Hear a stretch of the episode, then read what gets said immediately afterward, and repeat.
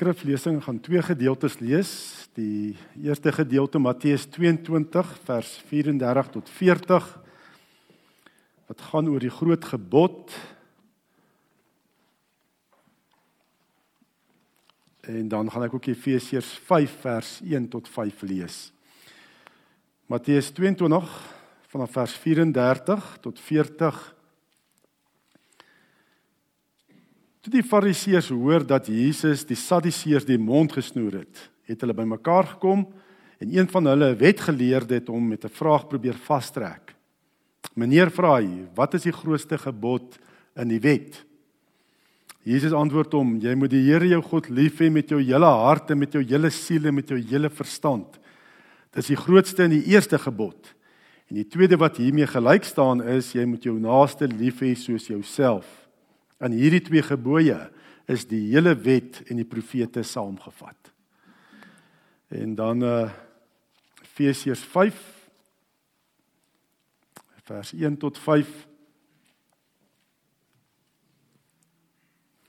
Waar is die remote? Waar ah, is hy? Ek kan net verander. Efesiërs 5 vers 1 tot 5 gaan ek lees.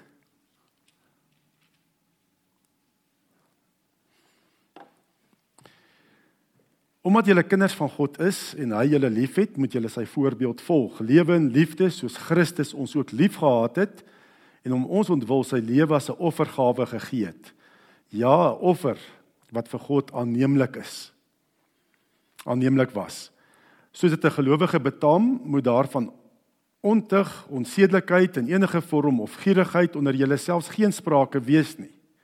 Grouwe, ligsinnige of vuil praatjies pas nie by julle nie. Nee, dan kan God pas by julle. Dit moet julle goed besef. Iemand wat ontug pleeg, onsedelik lewe of 'n gierige hart is, want gierigheid is afgoderry, het nie deel aan die koninkryk van Christus en van God nie.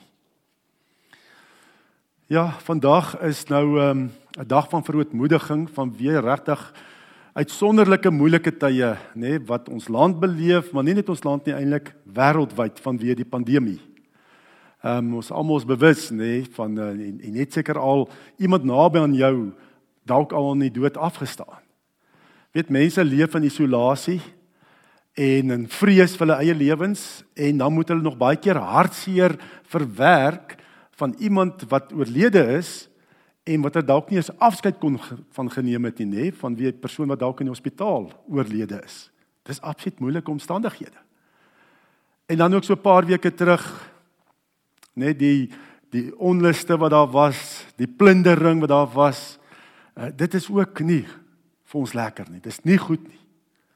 En die ekonomie, nê, nee, hoe dit die ekonomie ook op sy knieë bring. Uh hoop brandstofpryse, ehm um, besighede wat toemaak.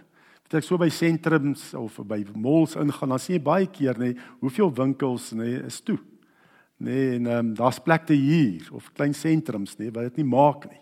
Mense verloor hulle werk en dit gaan nie net oor die oor die besigheid nie, dit gaan oor mense, families, nê, wat daardeur 'n inkomste kry en kan kan kan leef. Is regtig baie moeilike omstandighede. En in hierdie tyd, nê, Waar kom die Here en ons word getroos en dis eintlik die enigste troos wat ons in lewe en sterwe het nê soos wat ons mos nou sê in Heidelberg se katekismes is nie dat ek aan myself behoort nie maar dat ek aan my saligmaker en verlosser behoort Jesus Christus dat ek 'n kind van God is in Christus. Dis eintlik maar ons enigste troos, nê? Nee? Dat God ons Vader is, dit maak nie saak hoe lyk dit rondom jou nie. God bly ons Vader. Dis baie duidelik wat dit hier uitkom, nie die gedeeltes wat ek gelees het. Uh Efesiërs 5 vers 1 en 2 omdat julle kinders van God is en hy julle liefhet, moet julle sy voorbeeld volg. Ons is kinders van God. En wat doen 'n pa? 'n pa sorg, hy voorsien. Hy gee veiligheid en sekuriteit. Ons het ook daaroor gepraat Vrydag aand met die oorwinnaars naweek. Nee, um, om 'n kind te wees, jy het 'n pa wat vir jou sal sorg en wat vir jou sekuriteit gee en wat vir jou identiteit gee en ehm um, ja, wat daar is vir jou. En dis wat God vir ons is. 'n Arme weeskind, nee, het dit nie. Of om 'n slaaf te wees, nee, 'n diensknegt te wees, het dit nie. Dan hang alles van jouself af en jy moet werk vir veiligheid en sekuriteit. En baie keer het ons nie, kan ons dit nie doen nie. Ons kan dit nie vir onsself verseker nie. Dinge verander net so. Maar wat bly standvastig? Wat is altyd daar? God, ons Vader in Christus. Dis waar ons ons troos kan vind, net by ons hemelse Vader. Geen ander plek nie. Help nie ons plaas ons vertroue op hierdie aardse goed nie. Ons sien hoe vinnig dit kan verander. Dinge verander vinnig, maar God bly dieselfde. En wat hierdie gedeelte sê is eintlik dat God nê nee, omdat julle kinders van God is en hy julle liefhet, moet julle sy voorbeeld volg. Lewe in liefde soos Christus ons ook liefgehad het. Nê nee, God se liefde moet deur ons vloei. Dis daai lewe in liefde, wandel in liefde. Dat uh, God se liefde in Christus moet jy ontvang en dit moet deur jou vloei. Nee, ons moet wandel in liefde. Lewe terug, liefde gee terug vir God ons Vader, om dankbaar wees nê. Dankie sê en hom lief hê en dan moet ons ook die ander om ons lief hê. Sy liefde moet deur ons vloei. Soos wat Christus God se liefde deur Christus ook gevloei het na ons toe. Dit is wat moet gebeur. Dit moet vloei deur ons, God se liefde. Liefde ontvang weggee, liefde ontvang weggee en dan ontvang jy die vrug van die Gees. Nee, as God se liefde deur jou vloei. Net dan ontvang jy vriendelikheid, vrede, liefde, omgee, al daai die vrugte van die Gees. Dankie is dit outomaties. Ons dink baie keer ek moet hard werk en betaal om vrede in my lewe te kry. Nee, dat God se liefde net deur jou vloei. Ontvang dit net en gee dit weg terug vir God vir ander mense, dan ontvang jy daai dinge wat mense baie keer soveel geld vir wil betaal om die vrug van die Gees te hê. Dit gebeur net outomaties. Maar So ons blokkeer, nê? Nee? Dis ook nie altyd nie. Ons as kinders van die Here ervaar ook baie keer blokkeer hierdie vloei van God die Vader se liefde deur jou, nê? Nee? Dit word geblokkeer. Daar's skielike blokkade dat God se liefde nie deur jou kan vloei nie. En as sy liefde nie, deur jou vloei nie, dan wat wat jy er, wat jy ervaar jy dan? Jy Moses die vrug van die vlees, die vrugte van die vlees, vyandskap, haat, onmin, daai goeie, dan gebeur hierdie goeters. En dit ervaar ons baie keer. Baie keer is daar blokkade in ons dat God se liefde nie kan vloei nie. En God sê sy liefde om deur jou te vloei moenie afhang van omstandighede nie. Net jy's nie uitgelewer aan omstandighede nie. Nee, dis wat gaan binne jou aan. Watter blokkades ons baie keer binne ons dat God se liefde nie deur ons kan vloei nie. En dan sien ons hierdie werke van die vlees, van haat en stryd en tweespalt en al die goeters wat baie keer selfs in 'n kerk gebeur. Wat blokkeer dit? En nou ek het nou die vorige twee Sondae gekyk na die groot gebod, nê, nee, maar daar word vir ons ook 'n blokkade gegee, 'n blokkade wat daar kan wees. Matteus 22 vers 37 tot 40 staan jy moet die Here jou God lief hê met jou hele hart, jou hele siel en met jou hele verstand. Dis die grootste en eerste gebod. Die tweede wat hiermee gelyk staan is jy moet jou naaste lief hê soos jouself. In hierdie twee gebooie is die hele wet en die profete saamgevat. Vorige twee sonde het ek al bietjie kyk, liefde vir God nê, nee, wat dit behels vir my naaste, ons moet 'n geloofsfamilie vorm. Maar dan sê jy iets anderster ook. Jy moet jou naaste lief hê soos jouself. So jy moet jouself ook lief hê. En as jy jouself nie reg liefhet nie, nê, of jy het nie jouself lief nie, kan dit God se vloei van sy liefde deur jou blokkeer. Dat dit nie plaasvind nie omdat jy jouself dalk nie liefhet nie of jy jouself verkeerd lief. En dit blokkeer ook God se liefde, sy Vader, vaderlike liefde om deur jou te vloei. Ehm um, ja. As ons nou so die Here se liefde moet deur jou vloei, maar hoe het jy jouself lief? Het jy jouself nie dalk glad nie lief nie? Haat jouself? Net van wie jou verlede of het jy jouself verkeerd lief? En ek wil gou 'n bietjie kyk na 'n paar ehm um, dinge hoe ek my verkeerd kan lief hê, nê, wat God se liefde deur my blokkeer, dat dit nie kan vloei nie. Ek dink die mees algemene is hoogmoed. Hoogmoed blokkeer God se liefde om deur jou te vloei. 'n Paar verse in die Bybel staan daar, nê? Ehm um, so Jakobus 4 vers 6. God weerstaan hoogmoediges, maar nederiges gee hy genade. Nê? Weerstaan hoogmoediges. Ek dink hoogmoed is 'n algemene siekte ook in die kerk onder gelowiges. en wat ehm um, en wat God se liefde deur die in die kerk blokkeer. In Openbaring skryf Johannes op Patmos nê, skryf hy 'n paar briewe aan gemeentes in Openbaring en die laaste gemeente aan wie hy skryf is Laodicea. En hy het niks goeds te sê nie. Weet onder leiding van die Gees is daar niks goeds te sê vir die gemeente in Laodicea nie. En Laodicea, nê, hulle was lekker hoogmoedig nê. Hulle het gesê Um, ons is ryk, skatryk en ons niks meer nodig nie, nê? Hulle is vol van hulle self gewees. Ons is ryk, skatryk, ons niemand nodig. Eintlik het ons amper God nie eers meer nodig nie. En dan sê die Here oor hierdie gemeente, hy sê julle is nie koud of nie warm nie. Julle is lou en daarom gaan ek julle uit my mond uitspoeg. Hoogmoed in 'n kerk, nê, maak 'n kerk lou, verlamme kerk. As daar hoogmoed is onder gelowiges, nê, dit maak ons lou En ons kan nie effektief kerk wees nie. Suid-Afrika is dan bekend as 'n Christelike land, nê, meerderheid. Maar mens sien nie veel daarvan nie. Nee, in die samelewing en wat aangaan nie. Hè is ons daai sout en lig of is ons ook maar lou, lou warm? Verlammend. En is ons nie effektief nie. En as ek nou praat oor hoogmoed, hoogmoed, gaan dit nie net om met jou neus in die lug rond te loop nie. Daai tyd verskeie forme, nê, van hoogmoed. En ek wil 'n bietjie kyk, nê, hoe ons self ook in die kerk, nê, hoogmoedig kan wees. Ehm um, ja, as ons dink aan geestelike groei, dan wil ek vir jou vra, watter deel in jou lewe wil jy nog meer aan die Here gee?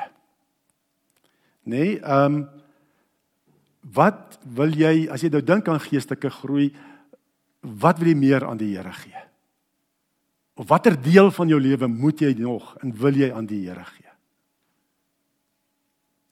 Nou weet ek hierdie vraag is bietjie misleidend, dis eintlik swak teologie.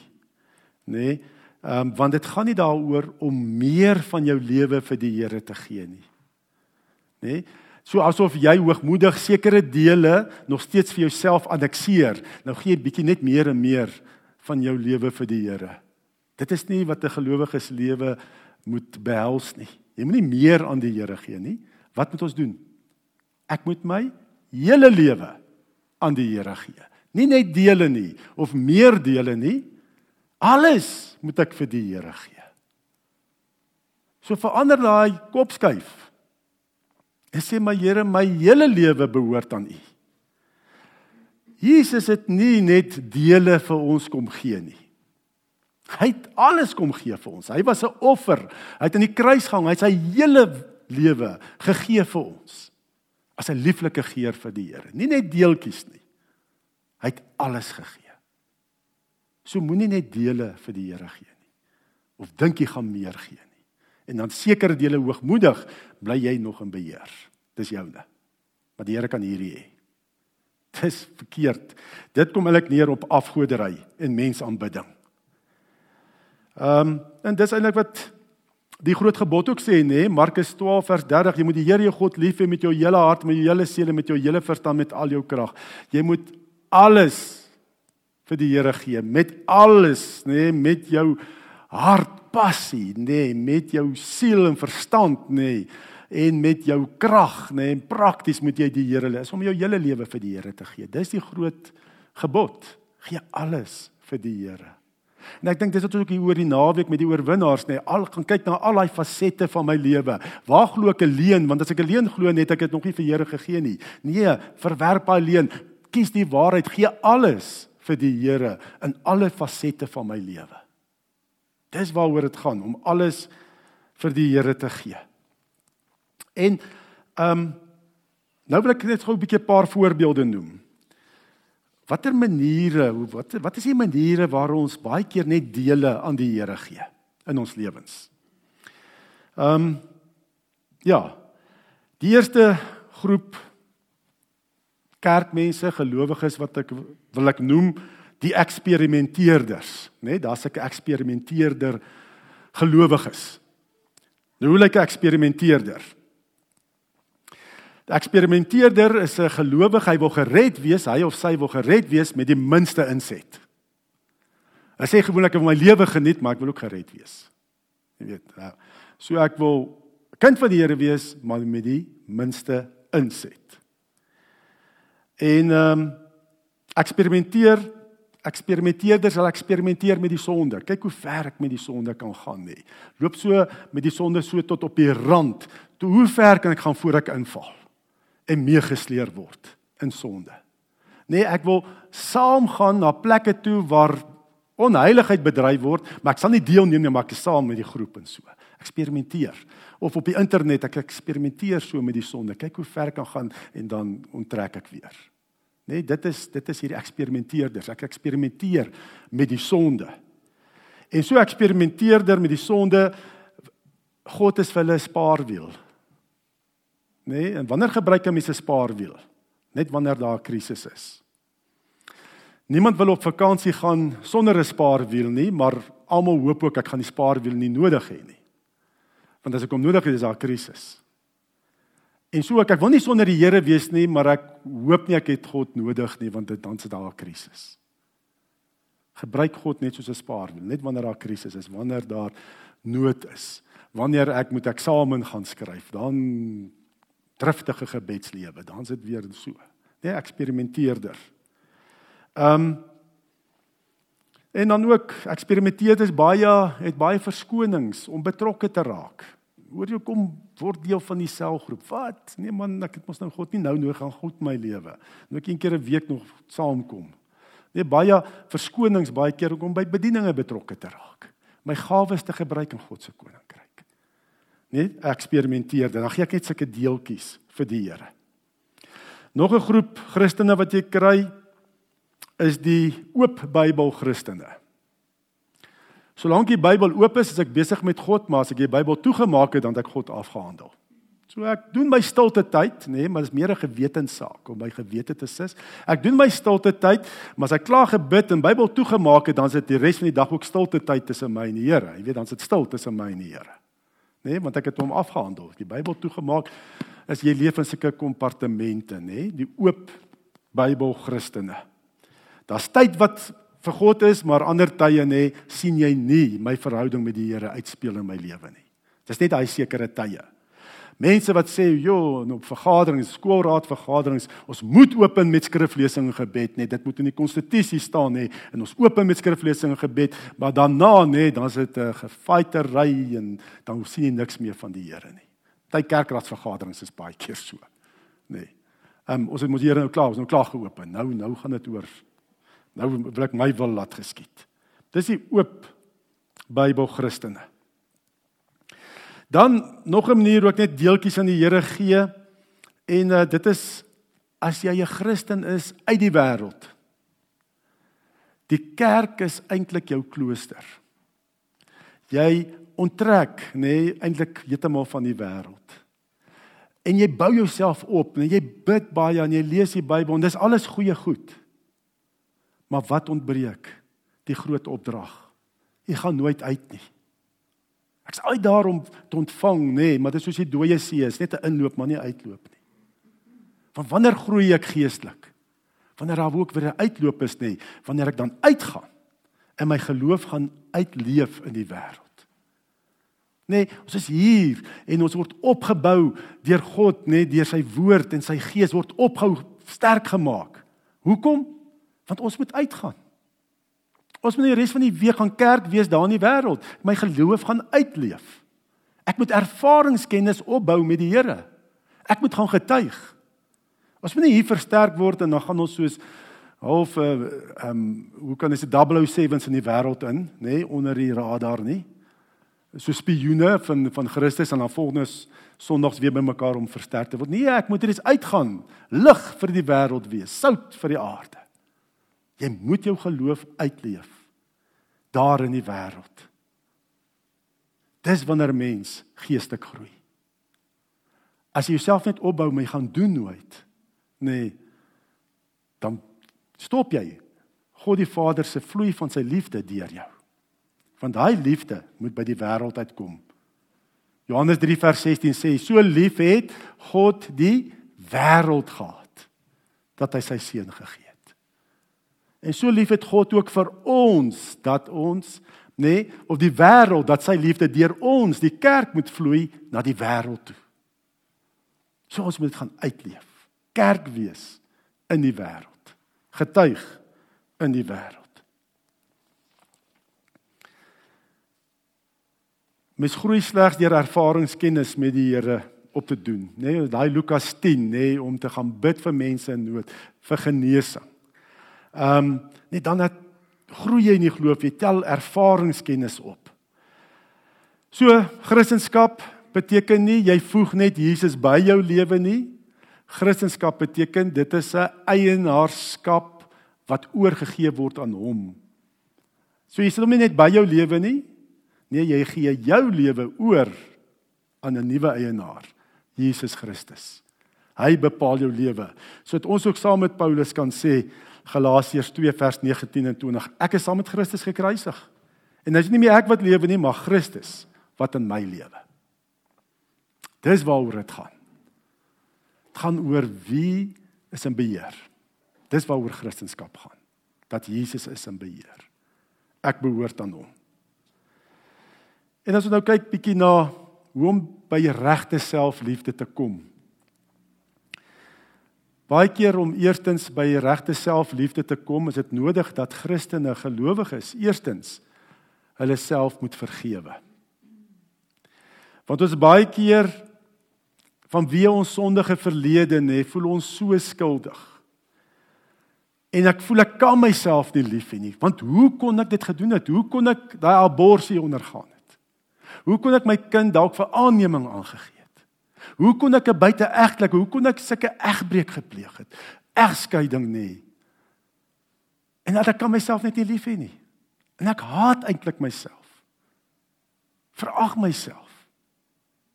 Net van wie wat ek aangevang het, nê. Nee, en as jy jouself nie kan lief hê nie en jouself nie kan aanvaar nie, dan sê jy ook nie ander mense kan lief hê en aanvaar nie. Jy moet eerstens jouself kan vergewe en lief hê voordat jy ander mense kan lief hê en aanvaar. Want as jy so jouself so haat vanweë jou sonde, dan sien jy ook die sonde raak so in die mense om jou. En niemand is volmaak natuurlik. Jou gesin is ook nie volmaak. As jy die sonde so in jou huweliksmaat ook raak, jou kinders. Ek moet myself eers vergewe. En hoekom vergewe ek myself? Wat beteken om myself te vergewe? Beteken nie dat ek vergeet van wat ek gedoen het nie. Nee. Vergifnis beteken ek kyk na myself soos wat God na my kyk in Christus. God sê hy vergewe my want sy seun het vir daai sondes ook betaal aan die kruis. Gisteraand ook met ons afsluiting het ons daai goed vasgespijker aan die kruis. Dis hoekom ek myself kan vergewe. Want daar is betaal. En die betaling Jesus het gedoen. So vergifnis is net bloot eenvoudig kyk na myself soos wat God die Vader na my kyk in Christus. Dit is wat vergif self vergifnis is. Dis ek aanvaar Vader hoe u na my kyk in Christus. Daarom aanvaar ek myself en kan ek myself vergewe. Ek stem doodgewoon saam met God hoe hy my sien in Christus en ek ontvang sy vergifnis. So alle selfliefde is gegrond in Jesus Christus alleen. Ek het myself nie lief omdat ek so goed is en of ek so ryk is, omdat ek so baie talente het omdat ek so suksesvol is, omdat ek so geleerd is. Dis nie hoekom ek myself liefhet nie. Ek myself net lief omdat God my liefhet in Christus. Ware selfliefde is alles net gegrond in Jesus Christus. Jesus en Jesus alleen. Dis al. Net deur die kruis. Alles gaan deur die kruis. Dis al hoekom ek myself kan lief hê. Die ware selfliefde. Ek skosbaar vir die Here omdat Jesus vir my betaal het met sy bloed. Maar selfliefde sonder Jesus, wat is dit? Dis dood eenvoudig hoogmoed of humanisme, nee, selfliefde sonder Christus. Hoogmoed, humanisme. Dan as ek nou myself liefhet um, sonder Christus, dan sê ek maar weet wat? Hier is my liggaam. En ek sal haar borsie ondergaan en ek sal bepaal. Want dit is my liggaam nê? Nee, dit is 'n selfliefde sonder Christus. En ek sal haar borsie ondergaan. Of 'n selfliefde sonder Christus, ja, God het 'n fout gemaak met my geslag. Ek moes 'n ander geslag gewees het. Of Ehm um, byvoorbeeld, weet jy, dit wat die Here sê in sy woord, dis ou dinge. Dis 2000 jaar plus se dinge, nê?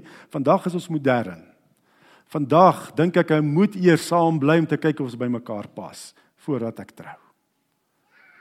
En die dinge waarvan ek praat, vind nie plaas daar in die wêreld nie.